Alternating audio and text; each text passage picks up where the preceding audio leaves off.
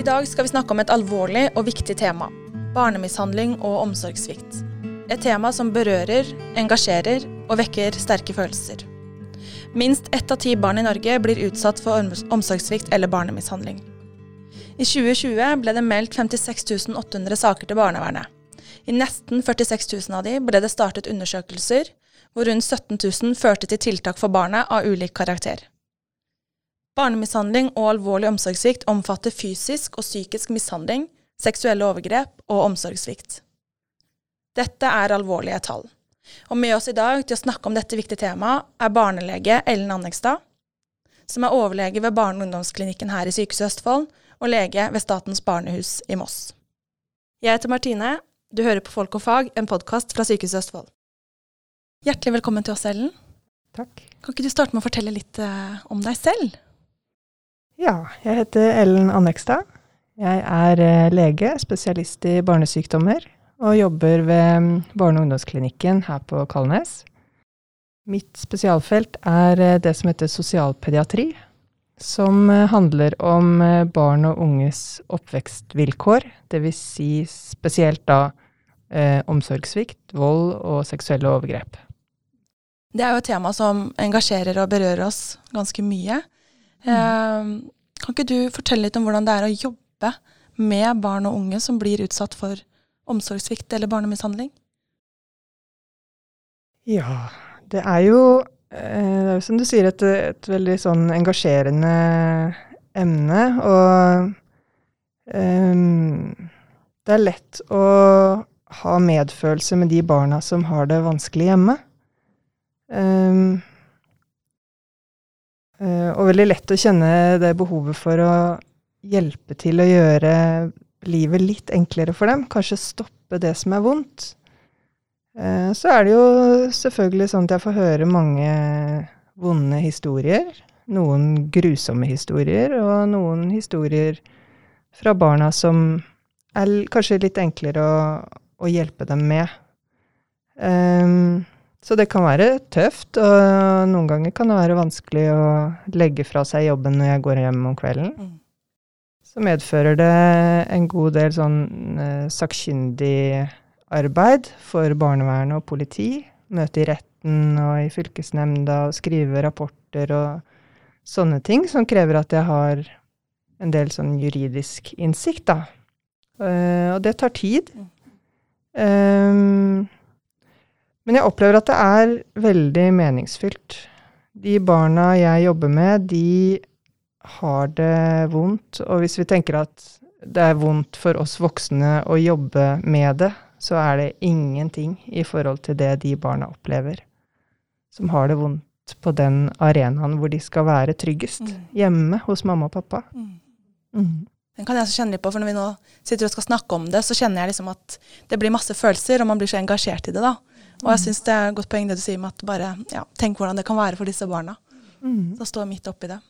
Ja. Mm.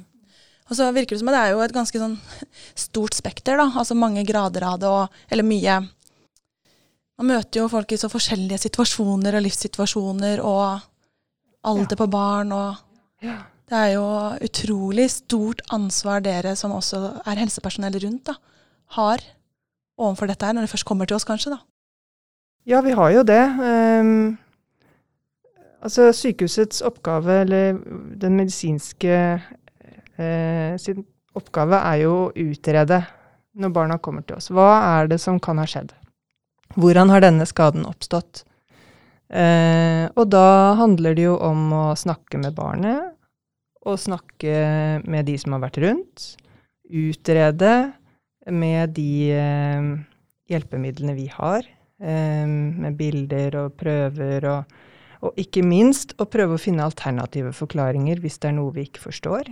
F.eks. For har dette barnet eh, masse blåmerker fordi det har en blodsykdom, eller er det noen som har skadet det? Så vi har veldig fokus på det, å prøve å finne alternative forklaringer. Vi bruker mye tid på å snakke med barnet og de pårørende fra de aller, aller minste, som eh, ikke selv kan fortelle hva som har skjedd, eh, via de eh, mellomstore, som kanskje er redde for å fortelle hva som har skjedd, Eh, og som kanskje ikke heller forstår at det de har vært utsatt for, faktisk er ulovlig. Eh, til de eldste, som kan ha sine vansker, og som kanskje har levd med vonde opplevelser eh, i hjemmet over mange år, og er preget av det. Um, så det er et stort spenn, og det er eh, et spenn fra de som kommer inn med alvorlige skader, som eh, krever intensivbehandling, og som kanskje til og med kan medføre død, til de som eh, kommer inn med blåmerker som vi ikke forstår, eller at de har gjort noe for å skade seg selv fordi de har det så vondt inni seg. Um, til eh, barn som eh, fremstår som Eller fremstår på en måte som gjør at vi får en mistanke om at de ikke har det helt bra hjemme, da. Kanskje i klær, eller eh, renslighet, eller tannstell, eller måten foreldrene snakker om barna sine på. Eh, ja. Mm. Ja, veldig stort omfang. Det er veldig stort. Mye dere skal se etter, da. Ja, det er det. Ja. Og jeg tenker at en, 80 eh, av jobben min handler om å snakke. Mm. Anamnesen, som vi kaller det, altså sykehistorien. Hva er det som ligger bak her? Mm. Mm. For de barna som er store nok til å kanskje kunne klare å uttrykke noe selv, eller si noe selv, hvor vanskelig er det å få, eh, å få dem til å fortelle, eller å få til den gode samtalen med de, da? Eh, det kommer litt an på hva som har skjedd. Mm. Om det er en engangshendelse, eller om det er et mønster i noe de jevnlig uh, utsettes for hjemme, uh, f.eks. Um, barn er i utgangspunktet veldig lojale mot foreldrene sine. Og de aller fleste barn er veldig glad i foreldrene sine. På samme måte som de fleste foreldre er veldig glad i barna sine. Uh, og um, barn lærer jo nå både i barnehage og småskole at uh, foreldre eller voksne har ikke lov til å skade barn. De har ikke lov å slå, de har ikke lov å ta på dem på måter de ikke liker. Uh, kroppen din eier du, og det er ingen som skal gjøre noe vondt mot den. Uh, sånn at de, de, lærer fra ganske tidlig at det som skjer, kanskje ikke er greit. Men de lærer samtidig at hvis de forteller, så kommer det til å skje fæle ting. Kanskje kommer mamma eller pappa i fengsel. Mm. Kanskje kommer barnevernet. Mange av disse barna har blitt truet av foreldrene sine om barnevernet, og, og at de ikke får bo hjemme, at, de, eh, at mamma kommer i fengsel. Og, eh, og, da er det innmari vanskelig å fortelle.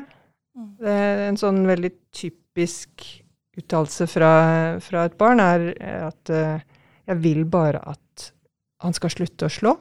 Jeg vil ikke at han skal komme i fengsel. Og jeg vil bo hjemme med mamma og pappa, mm. men jeg vil at han skal slutte å slå. Kan dere vise, fortelle han at han må slutte å slå? Mm. Jeg tenker at det er ganske betegnende. Mm, veldig. Ja. Um, og så er det jo noen ganger hvor vi ikke kan love det. Mm. det. Og det er ikke egentlig opp til oss. Det er opp til barnevernet og politi å bestemme hva som skal bli konsekvensen av at barnet forteller. Mm. Jeg kjenner den, det treffer, altså. Og så er det jo det med, som du sier, at barn de vil jo gjerne bli hjemme hos mammaen og pappaen sin.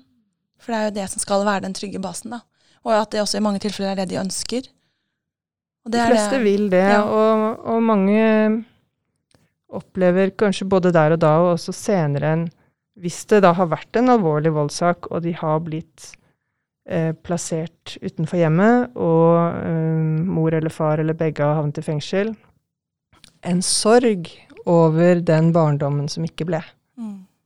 Eh, det er ikke det de ønsker seg. De ønsker bare å ha en barndom lik alle andre venner og, og ja, mm. som det skal være. Mm. Og det er vel, vil jo tro også at det i de fleste tilfeller også ønsker fra foreldrenes side. Altså det må det en, altså De har jo havna i en litt sånn håpløs situasjon, de også ofte, kanskje? Ja, heldigvis så er det jo sånn at eh, det er de færreste foreldre som med viten og vilje og, og sterkt ønske skader ungene sine. Um, noen fins det selvfølgelig. Noen uh, tenker vi at aldri burde hatt barn. Det kan være um, sånn at foreldre selv bare bærer på en bagasje eller er i en situasjon hvor det er vanskelig for dem å styre egne handlinger. Um, at de fungerer fint som foreldre i hverdagen.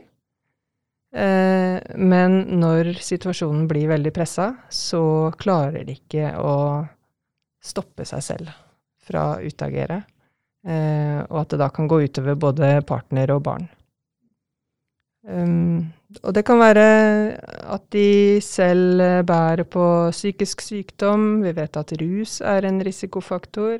Vi vet at vanskelig økonomi, eh, lite sosialt nettverk eh, Noen foreldre har jo selv opplevd vold eh, eller eh, lite positive oppdragermetoder da de selv var barn. I noen kulturer så forventes det at man er fysisk i sin oppdragelse av barna. Det er ikke lov i Norge, men det er ikke alle som vet. Um, og, så, og, så, vet vi da at uh, når vi blir pressa i en situasjon og har det veldig vanskelig, så går vi tilbake til de reaksjonsmønstrene vi lærte da vi var barn. De vi selv ble utsatt for. Og det tror jeg vi kan kjenne igjen alle sammen. Og hvis den reaksjonsmåten da er uh, å slå, eller å si stygge ting, eller å stenge ungen inne på rommet sitt, slenge dem ned på, på senga, Um, eller tilsvarende, da, så, så, så, er det det som skjer. Mm. Og etterpå kan jo de foreldrene være veldig lei seg og angre dypt og love at det skal aldri skje igjen. Og det holder de helt fram til neste gang de er i en så pressa situasjon. Mm. Og det vi vet, er at barnemishandling er en tilstand med stor gjentagelsesfare. Har du en gang opplevd at du har mista kontrollen og eh, skadet barnet ditt, så er risikoen større for at det skjer igjen i en eh, pressa situasjon. Eh, og vi vet at volden da kan eskalere, altså mm. bli verre neste gang. Og mm. verre og verre. Det er derfor det er så innmari viktig å få stoppa det. Mm. Hvordan møter man foreldre i disse situasjonene? Det kan være innmari krevende. Ja. Hvis det kommer et barn inn med en skade hvor det er Altså det er jo sjelden det er åpenlyst at de har vært utsatt for vold. Men, um, men hvor vi har en, en begrunnet mistanke om at de har vært utsatt for vold, så er det vanskelig å forholde seg profesjonelt til de foreldrene. Mm. Det må jeg innrømme. Mm. Eh, men det er jobben vår. Vi, må, vi skal behandle alle mennesker på samme måte. Eh, og vise respekt, vise forståelse. Gi dem den informasjonen vi kan gi innafor lovverket. Eh, og eh, ikke dømme noen, for det er ikke vår jobb. Men det kan være veldig krevende. Ja, det forstår jeg. Ja. Mm. Mm. Og så er det jo heldigvis sånn at vi noen ganger eh, tar feil når vi melder fra om et barn som har eh, sannsynligvis vært utsatt for vold. Eh, så hender det at det viser seg at det var noe helt annet som hadde skjedd. Eller at eh, vi eh, etter en lang utredning får et svar som som tyder på at, at barnet har en eller annen medfødt, tilstand, eller at det er noe de hadde glemt å fortelle som var årsaken til skaden, og at vi rett og slett har tatt feil. Mm. Og da er det jo så innmari viktig at vi har behandlet foreldrene på en så ålreit måte som mulig i den prosessen. Sånn at vi kan eh, for det første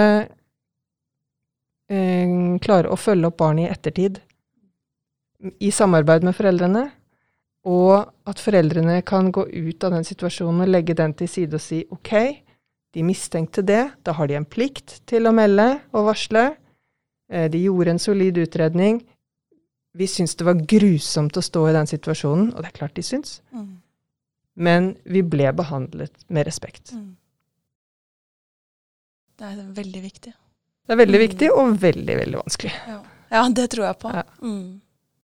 Men til syvende og sist så er det jo den der som du sier, den der at vi nå må vi bare sette barnets beste i fokus. Mm. Og så må man behandle alle med respekt i prosessen. Mm. Og så er det jo fint da i de situasjonene hvor man kanskje tar feil. Det er vel egentlig ingenting som kan være bedre enn nettopp det. Da. Nei, det er, vi er veldig glad for det ja. når det skjer. Mm. Du snakker jo om at det er barn kommer inn med ulik type skade og omfang. Eh, er, det i, er, det vanskelig å oppdage? Altså Hvis du ser bort fra de helt åpenbare skadene? Ja, det kan være vanskelig. Mm. Og det viser seg jo det i studier at vi at barneavdelingene stadig vekk misser um, og overser skader. Eh, på Kalnes så har vi jo, eller Sykehuset Østfold, så har vi jo prøvd å, å utdanne de ulike avdelingene som treffer barn, eh, i hvordan de kan oppdage skader.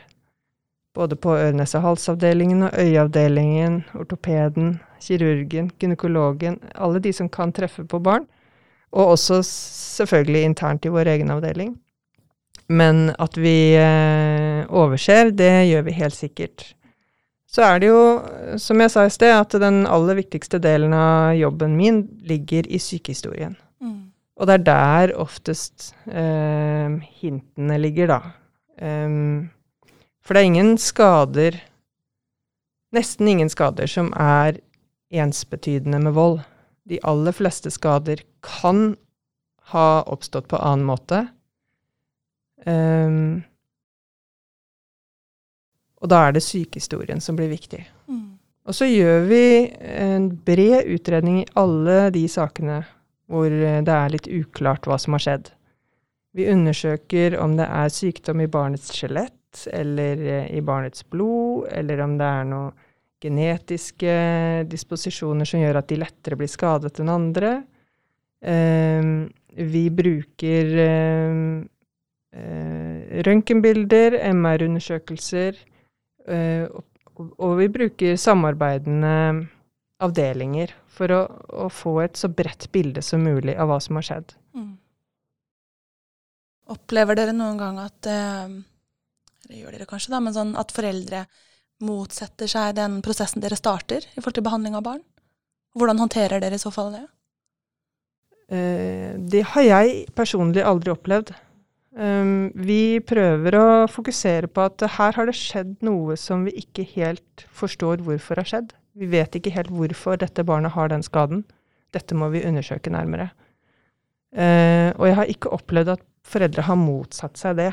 Jeg har opplevd en del rare reaksjoner, som jo får meg til å stusse litt. Mm. Enten en, eh, en, nærmest total likegyldighet, som er bekymringsfull, eller voldsomme følelsesuttrykk, som kan være påfallende. Mm. Jeg har aldri opplevd at de har nektet. Men om så skjer, da må vi kontakte barnevernet. Mm. For da må barnevernet hjelpe oss å sikre og trygge barnet fram til vi vet hva som har skjedd. Mm. Tenk på dere som er helsepersonell, og som står i det og vet litt kanskje hva dere skal se etter etter hvert. da. Um, hva tenker du at kanskje sånn, Jeg tenker på omgivelsene rundt. da, Venner, familie, skole, barnehage. Er det noe som kan være litt sånn typisk for oss å se etter? sikkert veldig vanskelig å svare på sånn veldig konkret, da, fordi det varierer vel. Ja. Jeg tenker som en sånn hovedprinsipp det å være interessert og nysgjerrig i hvordan barn rundt oss har det. Og uh, snakke med egne barn om at uh, noen barn har det ikke bra hjemme. Noen barn opplever ting hjemme som barn skal slippe å oppleve. Og da være konkret. Uh, at de blir slått, at de blir kalt stygge ting, at de ofte er lei seg, at de ikke får mat, uh, eller blir stengt inne på rommet sitt. De tingene som vi vet foregår. Og når barna blir store nok, eh, si til dem at eh, hvis noen forteller deg at de har det sånn, og sier at du må holde det hemmelig, så må du ikke love å holde det hemmelig, for det er en vond hemmelighet som de ikke skal holde på. Mm. Og du kan alltid komme til meg, for jeg er en sånn voksen som tåler å høre det. Mm. Uh, og det er kjempeviktig, den siste biten der. Fordi uh, barn som lurer på om de skal fortelle, de vil alltid prøve å teste ut de voksne rundt om, om du er en voksen som kommer til å tro dem, og kommer til å tåle det de sier. Mm. Det verste disse ungene opplever, er at de ikke blir trodd. At det de forteller eller prøver å hinte om, og, og barn har mange måter å fortelle på. Mm. Um, at de ikke blir trodd, eller at det blir bortforklart. Eller at den voksne møter dem med sine egne følelser rundt det. Mm. Sånn at barnet blir den som må trøste den voksne de har fortalt det til. Det orker de ikke. Og da trekker de seg, og så lar de være å fortelle. Um, så hjemme hos oss er det sånn at uh, de ungene som er på besøk, de vet at uh, jeg er en som tåler å høre. Ja. Og jeg vil gjerne at de skal snakke med meg. Mm. Og jeg kan godt finne på å si I dag syns jeg du virker litt lei deg. Mm. Er det noe du har lyst til å snakke om? Mm. Det ser viktig ut. Den gode praten med Ja, barn. Mm. Være interessert og Ja. nysgjerrig. Og. Det er aldri farlig. Nei. Og så kan man jo havne i en vanskelig situasjon hvis det viser seg at de forteller noe som de eh, Som du må forholde deg til, da, Mm. og ta konsekvensen av. Mm. Men uh, da må vi være voksne. Mm. For de er barn. Ja. Ja. Viktig. Mm. Nå legger vi også snart eh, to år bak oss med pandemi. Eh, litt sånn unntakstilstand. Mm. Rare tider. Mye tiltak. Og vi har jo ofte hørt om at sånn sårbare barn er eh, At det skal være litt sånn obs på det da, når man stenger ned. Vet vi noe om hvordan dette med omsorgssvikt, barnemishandling, har forløpt seg under denne pandemien? Ja, altså den forskningen som er gjort hittil, peker jo på at uh, det har vært en økning i uh, vold mot barn. Eh, og også seksuelle overgrep. Og da handler det mye om nettovergrep. Uh, fordi de har sittet mye på nett. Mm. Og mye kanskje uten, eh, uten voksen supervisjon på nett. Men det har vært også en økning i ren fysisk vold og psykisk vold. Um, og da kan man jo gå litt sånn tilbake til det vi snakket om i sted, at de fleste foreldre er gode foreldre i utgangspunktet, helt til de kommer i en innmari pressa situasjon. Eh, og da kan man jo se for seg en eh, familie med barn i ulike aldre, med ulike behov til eh, hjemmeskole, og to foreldre, eller kanskje bare én forelder, på hjemmekontor med krav til å produsere. Uh, og at det er slitsomt, det, er, det vet vi vel alle sammen. Mm. Um, og hvis man da eh, sitter i en sånn situasjon over tid, og kanskje med tillegg av frykt for sykdom, eh, alvorlig sykdom i nær familie, at bestemor er syk, eller kanskje dør av korona, eh, at man står i fare for å miste jobben for det firmaet må nedskalere pga. korona, um, så, så er det ikke noe vanskelig å tenke seg til at noen foreldre i den situasjonen kan miste kontrollen. Mm. Um, og så vet vi også at uh, for en del barn som har det vanskelig hjemme, så er skolen og barnehagen den faste rammen som de virkelig trenger. Som er holdepunktet deres i hverdagen. Det å få en pause hjemmefra. Det er fristedet. Mm. Det er der de kan være trygge og treffe venner og, og gjøre normale ting. Um, så, så det er klart dette har vært en uh, mer krevende situasjon for de barna som lever med vold, omsorgssvikt, rus, uh, ja, vanskelige ting hjemme, enn det har vært for oss andre. Mm. Ja, det er vanskelig å forestille seg når man på en måte ikke står midt oppi det selv. Men det er jo lett å forstå det når du forklarer det så fint på den måten.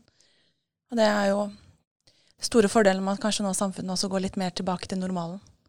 At det kanskje også det er lettere for oss rundt å oppdage unormal, unormale ting eller unormal atferd, eller Mm. hvor barn kommer i ramme hvor de kan tørre å prate igjen og, Mm. og den biten. Ja. Dette forteller jo også lærerne og barnehageansatte om. Den eh, frykten de har for noen av de barna som de vet er sårbare, eller som de lurer på hvordan egentlig har det hjemme. At de får ikke fulgt med på dem Nei. når de ikke kommer på skolen. Så vi um, En håpløs situasjon for de også, da. Og det er, det er sikkert klart ikke så lett for dem å altså, hvordan vite hvordan man skal gå frem eller ta tak i det. Og, Det kan være vanskelig å få til en god Ja. og nær samtale på Teams. ja. Mm.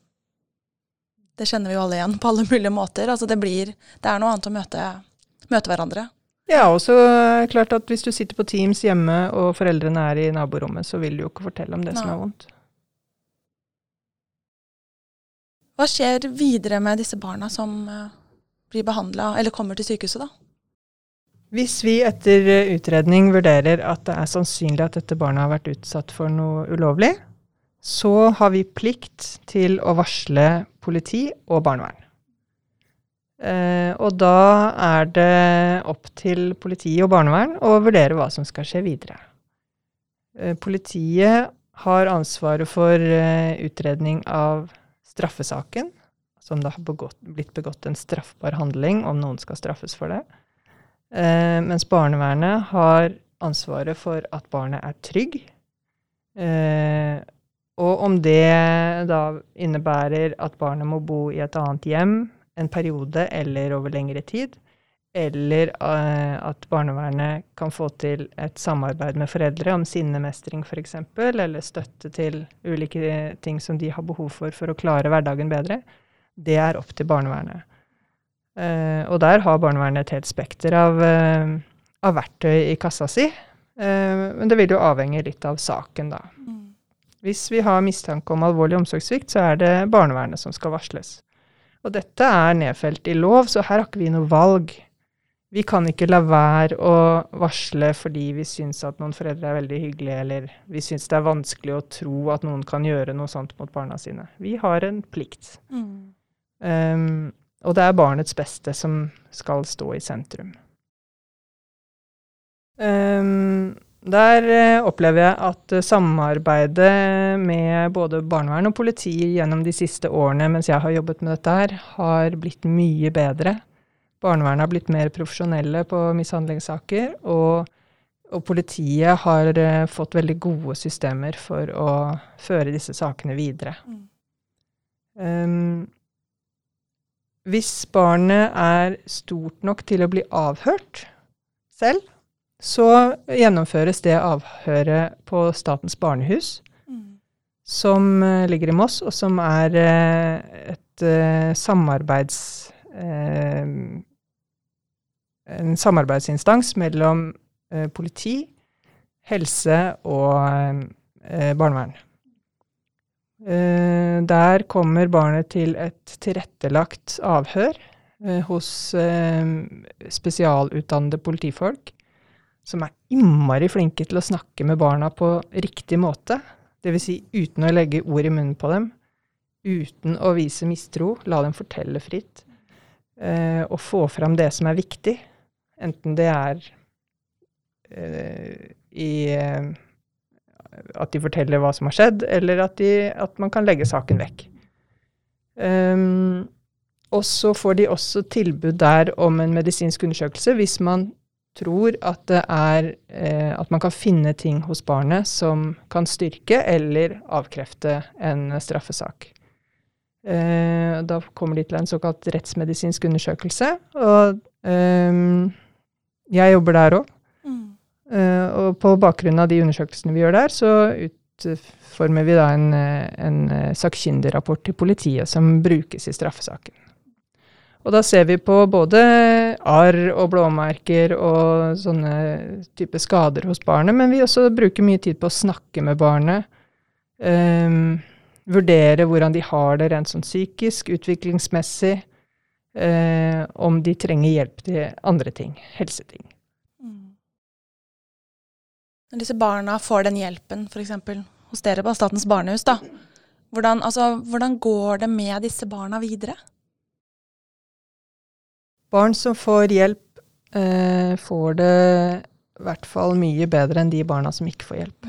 Vi vet at det å leve med vold og overgrep og omsorgssvikt i barnealder er assosiert med betydelige helseplager i voksen alder. Mm. Det er gjort store studier eh, både i Norge og i utlandet, særlig i USA, eh, på voksne med ulike typer helseplager hvor man har gått tilbake og snakket om Eller de har fylt ut skjemaer og snakket om hva de opplevde som barn. Ulike typer barndomstraumer. Og, og det er helt klart at uh, mange ulike typer helseplager i voksen alder er assosiert med uh, vold og overgrep i barnealder. Mm. Og det er jo Det sier oss jo ganske mye om at, det, at barnemishandling og omsorgssvikt er et betydelig samfunnsproblem Mm. som vi er nødt til å gjøre noe med for at vi skal få en friskere voksenbefolkning. Mm. Hva tenker du at vi kan gjøre? Altså en ting, Vi snakka litt i stad om den, den gode samtalen med barn, altså det å være lyttende voksne tilstedeværende voksne. Mm. Eh, men det er jo som du sier, det begynner å nærme seg et ganske stort samfunnsproblem. Det er et stort samfunnsproblem. Eller det er. Mm. Eh, og, og det øker jo. Og se også under pandemien da, at man har sett en viss økning. Hva, hva tenker du at vi kan gjøre? Ja, vi vet jo ikke egentlig om det er økende, men vi vet at det er økende eh, tall. Ja. Og det kan skyldes at det har blitt mer åpenhet rundt Ja. temaet, og at barna har blitt eh, flinkere til å fortelle. Og at vi har blitt flinkere til å lytte og ta konsekvensene av det. Jeg husker bare fra jeg selv var barn, at eh, det var jo Altså, barn som hadde det vondt hjemme, det snakket vi ikke om. Det ble hysjet ned. Eh, mens nå snakker vi om det, og barna får hjelp. Og må, og, så jeg tror at de økte tallene nok i noen grad i hvert fall reflekterer at vi oppdager flere. Eh, det er mer fokus på det, og det er kjempebra. Fordi nøkkelen til å få et greit voksenliv til tross for det man har opplevd i barndommen, er nettopp det å få hjelp. Få hjelp til å komme ut av en eh, destruktiv oppvekst. Enten det nå betyr eh, et nytt liv hos en annen familie, eller hjelp i den familien man lever. Um, få hjelp til å bli trodd. Få eh, validert, som vi sier. Altså styrket at dette hadde ikke de der rett til å gjøre mot deg. Dette handler ikke om at du er et dårlig barn. Dette handler om at de har gjort noe ulovlig. Hvis du vokser opp i den tro at eh, jeg fortjente den volden, eller jeg fortjente å bli kalt en drittunge, eller jeg fortjente uh, det, uh, å ha det vondt, så er det innmari vanskelig å bli en trygg og sterk voksenperson som lykkes. Og da er det mye lettere at man også går inn i destruktive uh, helsemønstre som voksen. Så nøkkelen ligger i nettopp det å bli trodd og få hjelp til å komme ut av det, og styrke sin uh, selvfølelse. Det er jo en oppfordring til oss andre, alle da, egentlig, at vi blir enda flinkere til å se, Ja. lytte, være til stede og si ifra når man Varsle. mistenker noe. Ja. Jeg tenker det er en viktig oppfordring til alle sammen, og en fin avslutning også på denne podkastepisoden. Så tusen takk til deg for at du har vært med her, og ikke minst komme. for den utrolig viktige jobben du og dere gjør. Tusen takk.